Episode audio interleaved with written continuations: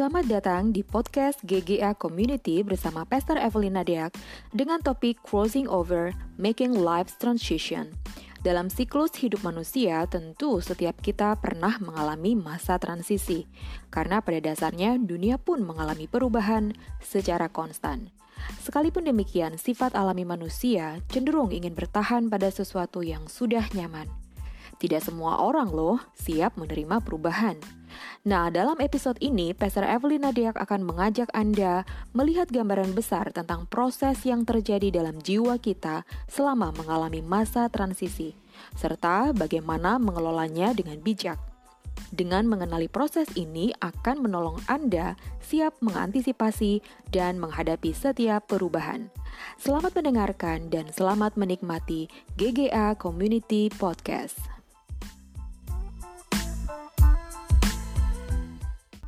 Jadi sore ini uh, saya akan bicara kepada Anda mengenai crossing over, making life transition, ya, menyeberang bagaimana membuat transisi-transisi kehidupan.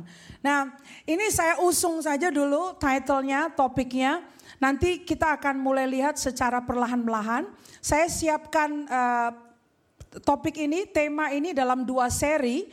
So this would be the first seri And tomorrow, besok akan menjadi seri yang kedua. So if you have time tomorrow, Anda datang lagi besok, itu akan menjadi kelanjutannya. Ya, uh, mudah-mudahan besok pagi bisa bangun lebih pagi, right? Lihat kiri kanannya bilang, siap-siap bangun lebih pagi. Alright. Now, next slide.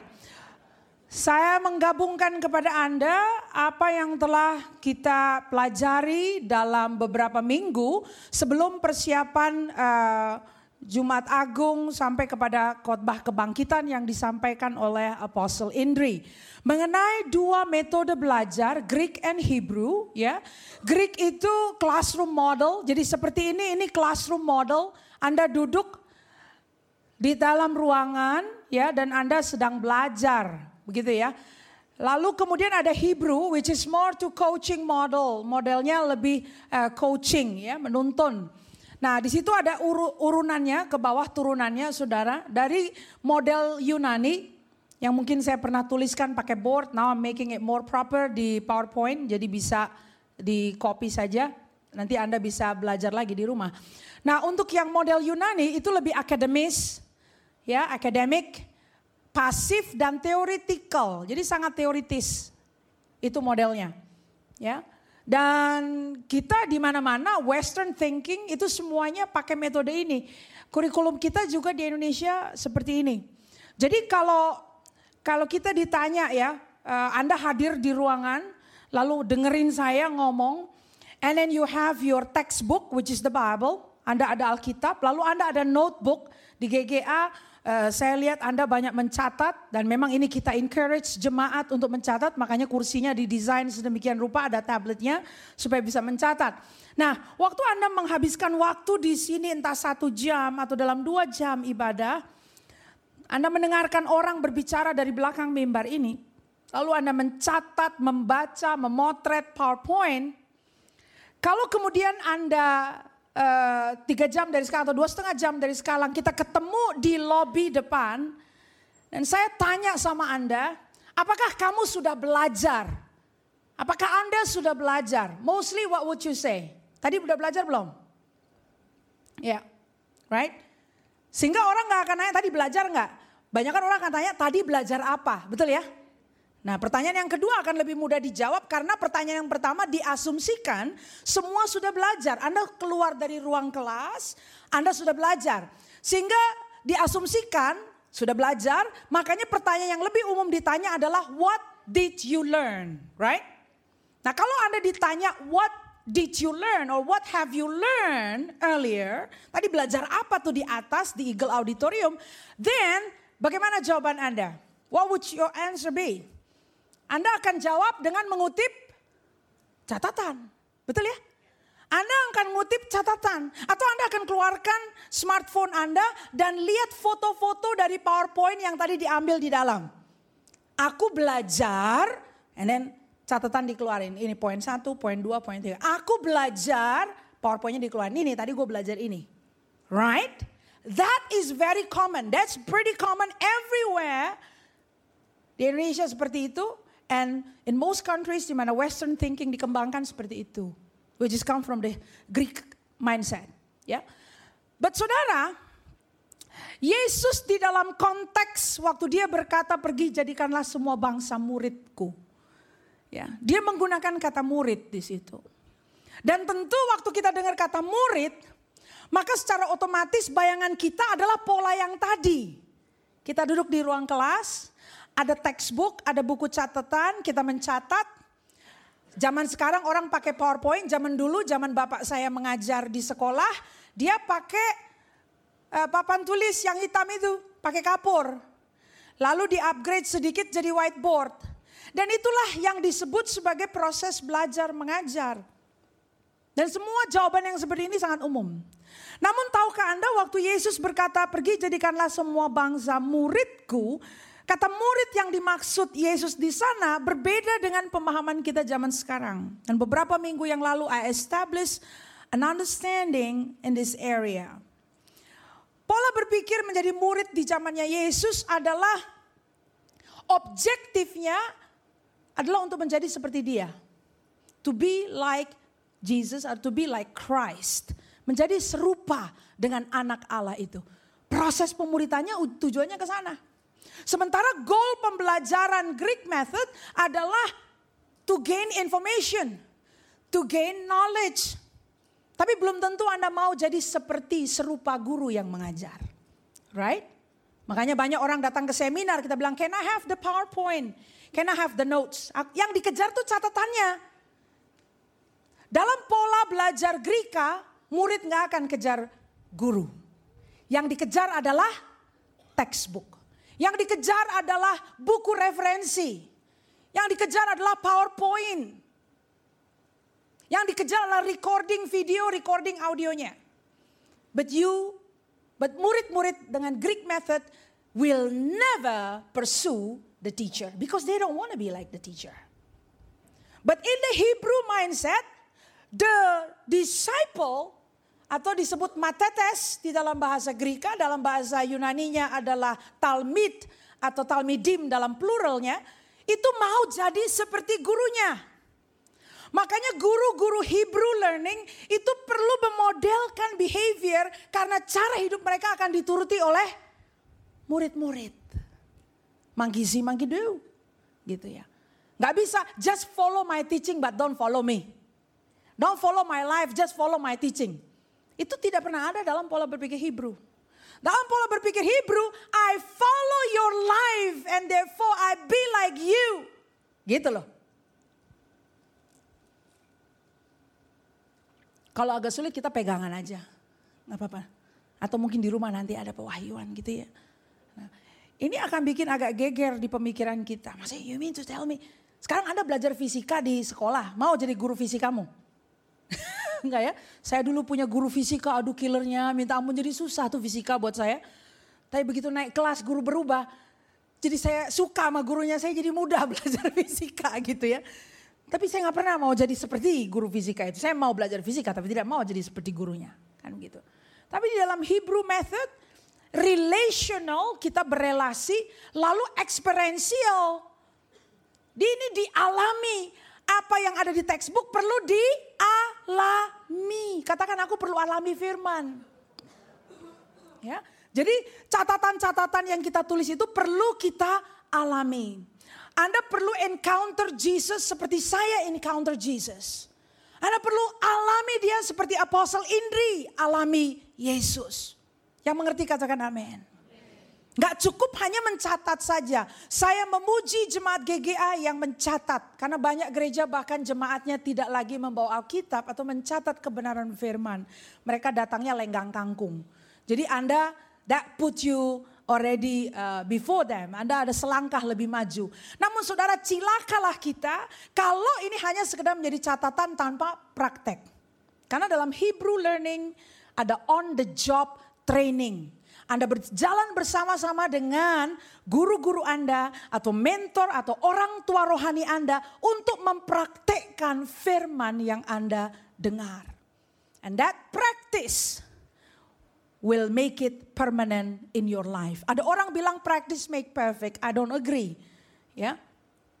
Perfect bagaimana? Kalau tidak pernah dikoreksi dan tidak pernah di review. Ya.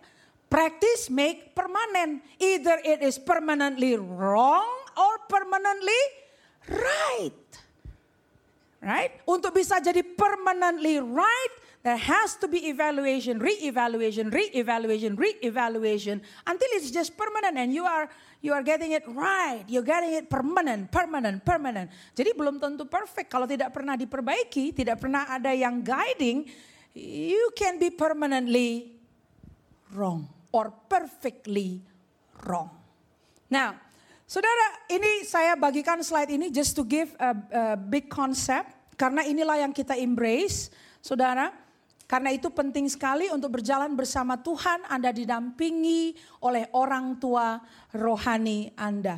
Nah, dalam crossing over or making life's transition, this Hebrew method uh, perlu Anda ingat baik-baik. Ya, Hebrew method ini perlu Anda ingat baik-baik dalam menghadapi uh, transisi-transisi kehidupan. Nah, transisi kehidupan ini seperti apa? Coba kita lihat sama-sama Markus pasal yang keempat ayat 35 sampai 41. Ya, Markus pasal 4 ayat 35 sampai 41. Saya siapkan ayatnya di layar so kita bisa lihat sama-sama. Pada hari itu waktu hari sudah petang, Yesus berkata kepada mereka, marilah kita bertolak ke seberang. Mereka meninggalkan orang banyak itu, lalu bertolak membawa Yesus beserta dengan mereka dalam perahu, di mana Yesus telah duduk dan perahu-perahu lain juga menyertai dia. Jadi Yesus diajak ikut serta, right? Ayat 37, lalu mengamuklah taufan yang sangat dahsyat dan ombak menyembur masuk ke dalam perahu sehingga perahu itu mulai penuh dengan air. 38. Pada waktu itu Yesus sedang tidur di buritan di sebuah tilam, maka murid-muridnya membangunkan dia dan berkata kepadanya, "Guru, engkau tidak peduli kalau kita binasa." Ia pun bangun, menghardik angin itu dan berkata kepada danau itu, diam, tenanglah. Lalu angin itu reda dan danau itu menjadi teduh sekali. 40. Lalu ia berkata kepada mereka, mengapa kamu begitu takut? Mengapa kamu tidak percaya? Mereka menjadi sangat takut dan berkata seorang kepada yang lain, siapa gerangan orang ini sehingga angin dan danau pun taat kepadanya. Nah, Saudara itu tadi ayat-ayat yang kita baca dan terjadilah kepada kita semua sesuai dengan apa yang firman Tuhan ajarkan pada sore hari ini. Saya akan ajak Anda untuk mengupas uh, beberapa ayat di sini to give you the understanding apa yang dimaksud dengan making life transition dalam konteks crossing over atau menyeberang. Kita lihat satu persatu. Ayat 35 tadi berkata, pada hari itu waktu hari sudah petang. Katakan sudah petang. Ini adalah kata keterangan waktu saudara. Tuhan kita tidak terikat dengan waktu. Namun dia adalah Tuhan dengan perfect timing. Berapa banyak Anda percaya itu? Ya, He is not bound with time. But on the other hand, He has His perfect timing. Jadi whatever he plan, dia berjalan sesuai dengan perencanaan itu sekalipun dia tidak ter, diikat oleh waktu. Because he created time. Dia yang ciptakan waktu. Nah ini kita pernah establish pemahaman ini waktu kita belajar kejadian pasal yang pertama, ayat yang pertama. In the beginning, God created. Right? Sebelum itu apa? Nothing. Sebelum itu nggak ada, waktu nggak ada. Dia berdiri di luar waktu. He created time. Makanya ada in the beginning. Waktu dia katakan in the beginning, bang, waktu dimulai. And that clock of time is still ticking sampai hari ini, ya. Itu garis apa namanya jarumnya jam waktu itu masih terus saja uh, bergerak sampai dengan hari ini. Nah, ayat 35 berkata bahwa on that day waktu hari sudah petang. Nah, jangan lupa bahwa kita belajar dengan metode Hebrew. The mentor in Hebrew learning will always be next to the student. And on that day, on that specific time, kapan waktu yang ditulis di sini? Hari sudah petang. Jadi matahari sudah bukan lagi di jam 10 atau di jam 12 atau di jam 1, tapi matahari sudah mulai terbenam. Saudara, kita perlu memahami waktu-waktu di dalam kehidupan kita. Yang mengerti katakan amin. Tidak selamanya waktu-waktu atau musim-musim hidup kita itu ada seakan-akan seperti matahari jam 10 atau matahari jam 12. On every, there is a season in life, saudara. Ada musim-musim dalam kehidupan.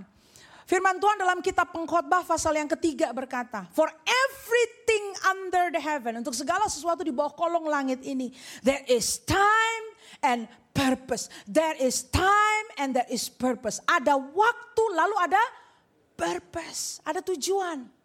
Nah kita perlu tahu in in what time am I? Aku ini sekarang sedang berada di waktu yang mana? Di musim yang mana di dalam kehidupanku?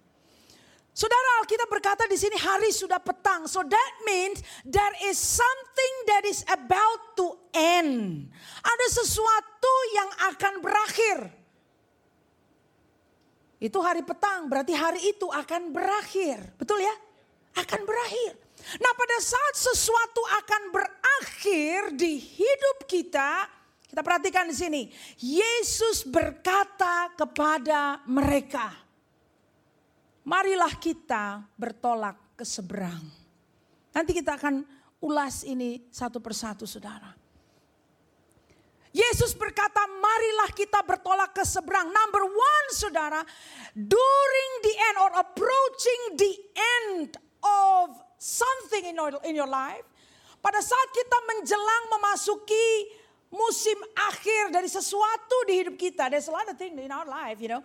Waktu kita menjelang akhir dari suatu musim di hidup kita, kita tidak perlu seperti orang kehilangan harapan, saudara. Karena pada saat seperti itu, the most important thing that we need to do is to really listen to what God is saying. So the question is apakah kita sedang dengar suara Tuhan pada saat we are approaching, pada saat kita sedang mendekati etape terakhir atau musim penutupan atau petang di dalam kehidupan kita. Di sini Yesus berkata, oh ini penghiburan buat saya saudara. Karena dia sendiri yang berjanji bahwa sekali-kali aku tidak akan meninggalkan kamu, aku tidak akan membiarkan kamu. Hello. Alkitab berkata marilah kita. Artinya apa? Not only you, I will be joining with you. Kita, he is included. Dia termasuk dalam dalam dalam dalam perjalanan itu. Kita bertolak ke seberang. Yesus mengajak mereka untuk melakukan suatu transisi, Saudara. Nah, di sini saya mau memperkenalkan kata transisi. Yesus mengajak mereka untuk melakukan transisi. Tadi dia berkata, marilah kita berangkat ke seberang. Tadi saya bilang saudara bahwa uh, the only constant thing in life is change. Agak paradoks ya, bagaimana sih constant tapi change. Tapi memang itulah yang terjadi di sekeliling kita. Satu-satunya yang konstan adalah, lo gimana nih?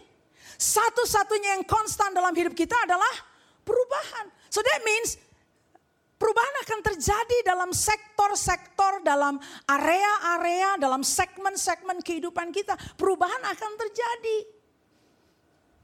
Tapi apakah kita telah melakukan transisi? Nah perubahan-perubahan ini seperti apa? Perubahan uh, posisi dalam pekerjaan.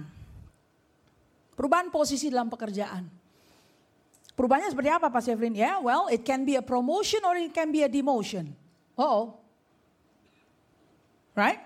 I mean this is reality. Of course, orang lebih cenderung celebrating promotion. Terus kalau demosi bagaimana? Kalau posisinya diturunkan. Nah itu yang bikin orang bisa stres. Tapi tahukah Anda orang dipromosi juga bisa stres? Bukan hanya yang didemosi loh. Kalau kita bilang ya lu sih gak pernah ngalamin kayak gue nih. Lu kan dipromosi. Gue nih loh kehilangan jabatan. Loh dia gak tahu temen yang diajak ngomong juga lagi stres. Stres kenapa? Karena dia dipromosi. Dia rasanya overwhelming. overwhelmed dia, ketenggengan katanya. Duh, elah kerjaan jadi banyak. Waduh, jadi saya kalau gitu pulang jam berapa dong? Aku boleh nggak kayak pulangnya kayak jam 4, jam 5 gitu.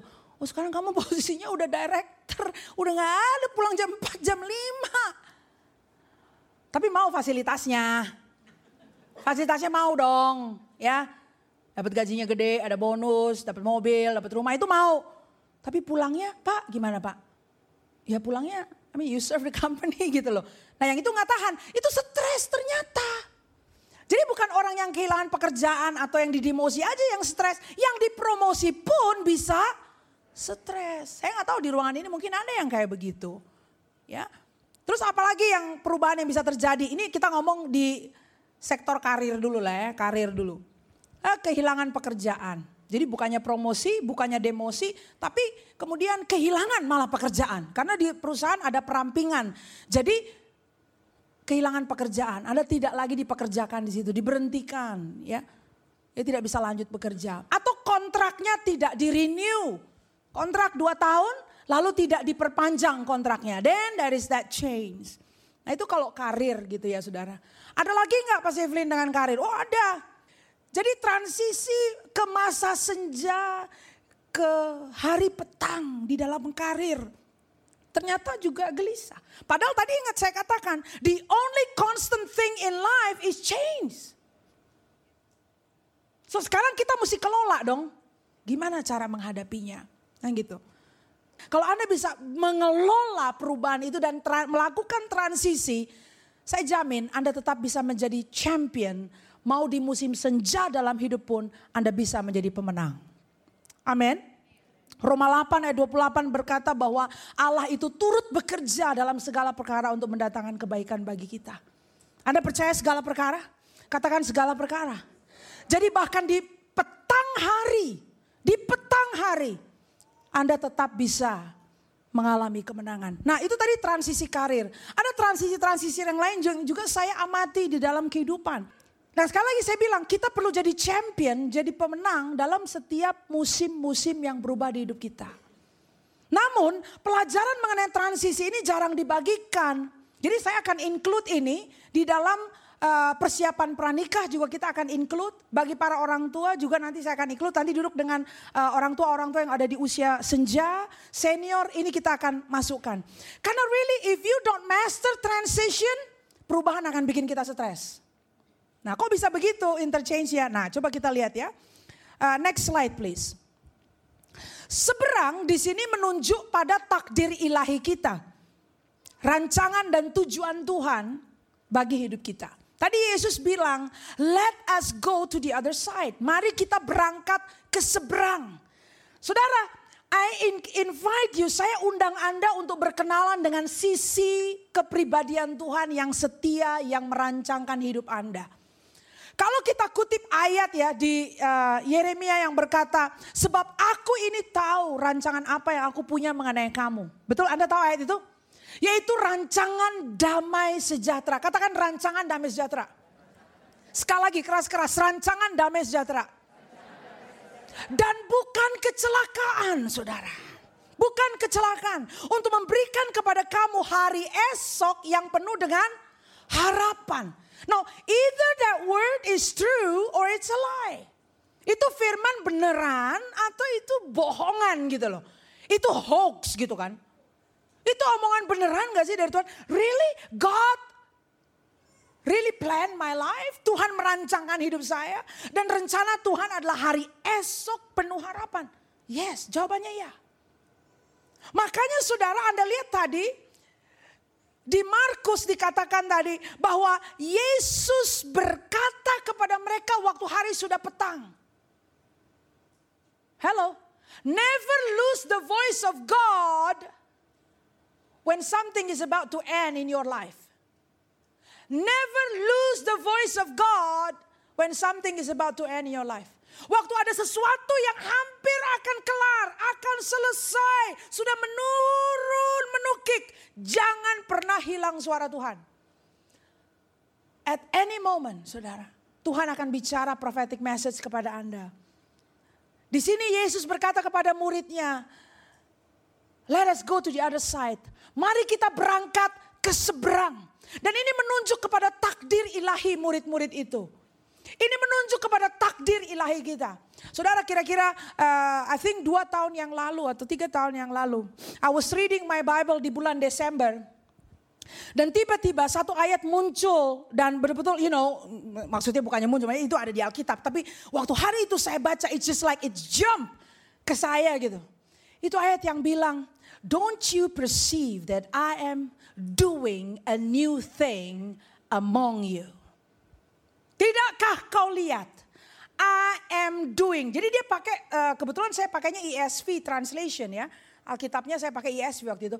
I am doing. So that means aku sedang melakukan sesuatu yang baru di antara kamu. Don't you perceive it? Kamu lihat nggak? Kamu perhatikan kak?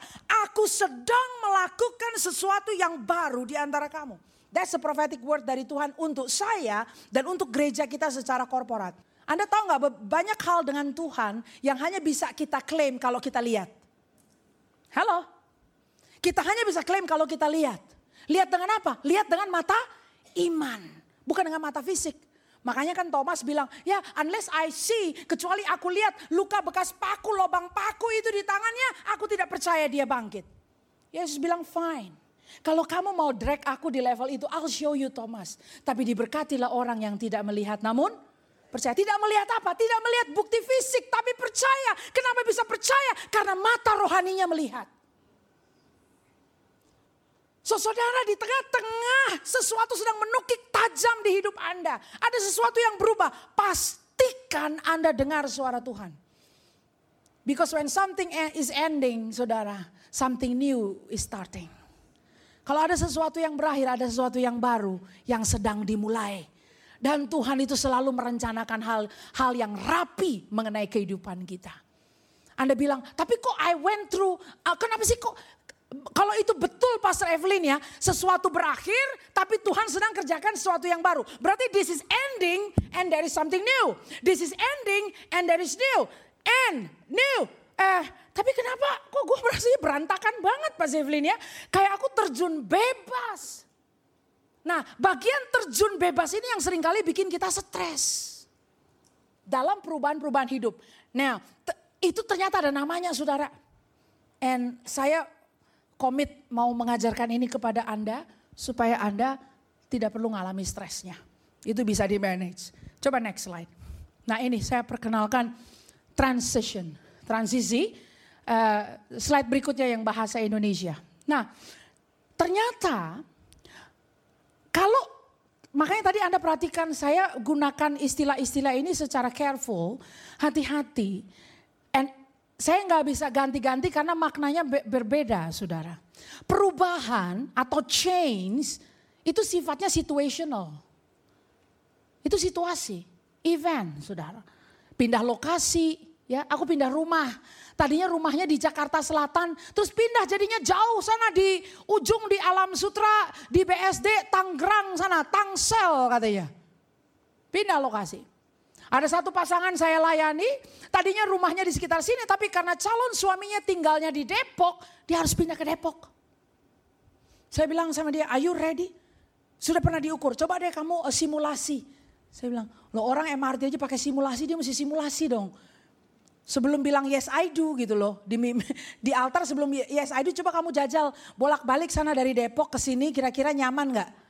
Nah, jangan nanti udah udah udah udah naik komuter dari Depok ke sini terus ngomel-ngomel gara-gara lu sih. Lu nggak bisa gara-gara lu, kita sudah menjadi satu gitu kan.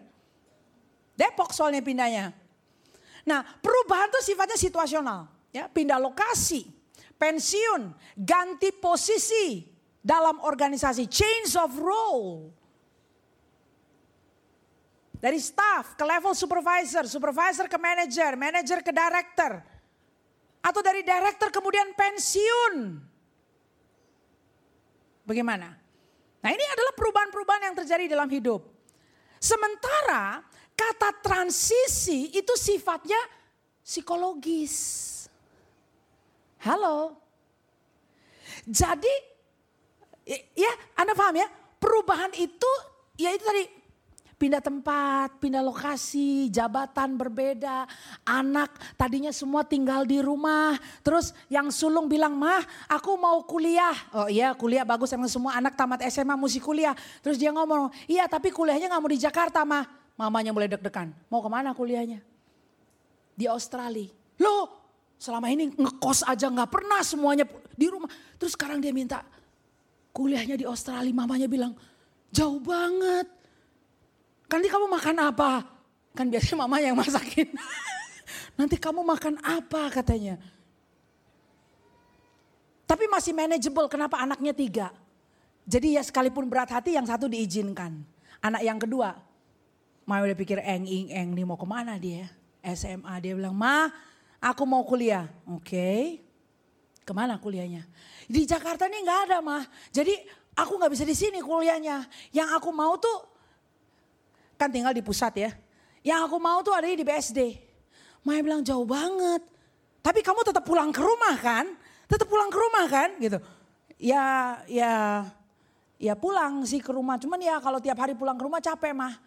Jadi gimana? Ya aku kayaknya mau ngekos aja. Tuh mamanya udah dak diduk. Kalau ngekos gimana anak perempuan kan gitu. Stres dia. Mau ngekos.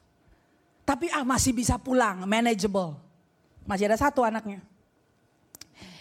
Yang satu juga terakhir bilang, ma aku juga mau kuliah. Sampai kan tiba, kamu mau ke mana? Itu Koko udah pergi di Australia, cicimu sudah pergi di BSD, kamu mau ke mana? Mamanya udah langsung ini dia, udah langsung gigi lima kan. Anaknya bilang, ih belum juga ngomong udah langsung begitu mah. ya. Tapi anak ini bilang, ya aku sih nggak bisa tinggal, nggak bisa di sini, mah nggak ada jurusan yang aku mau di sini. Jadi kamu mau di mana? Ya aku maunya ke Singapura. Wah mamanya runtuh semuanya dia. Anak tiga orang sekarang satu demi satu meninggalkan. Dan ini jadi ketegangan. Sampai tunda nggak kuliah satu tahun.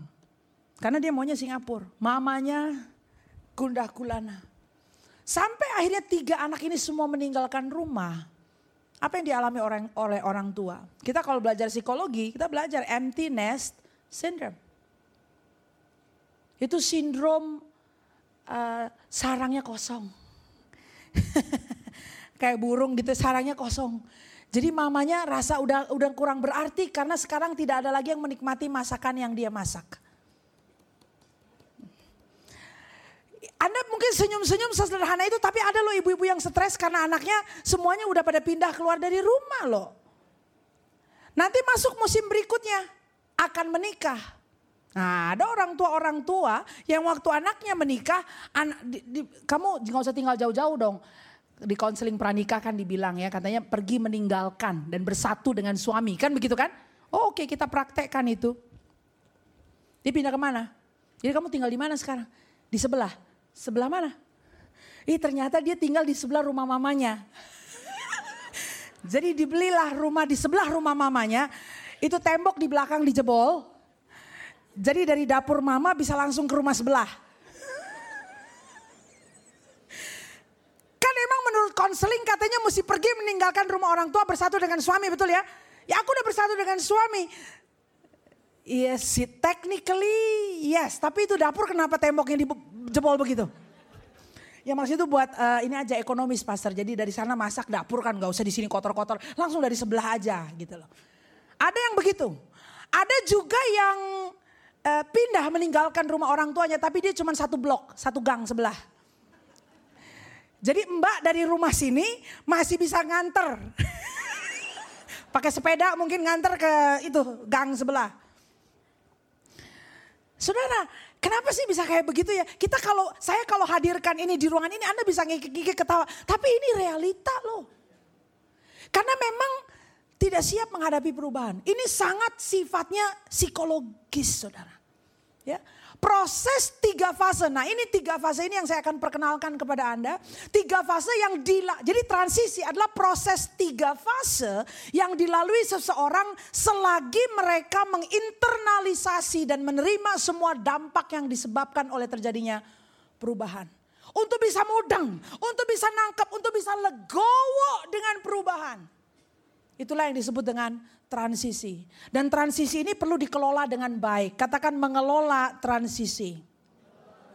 Jadi ini gambar besarnya aja supaya Anda bisa praktekkan ini juga di karir Anda, di rumah tangga, dan di dalam segala area hidup yang memang sekarang sedang diobok-obok dan mengalami perubahan.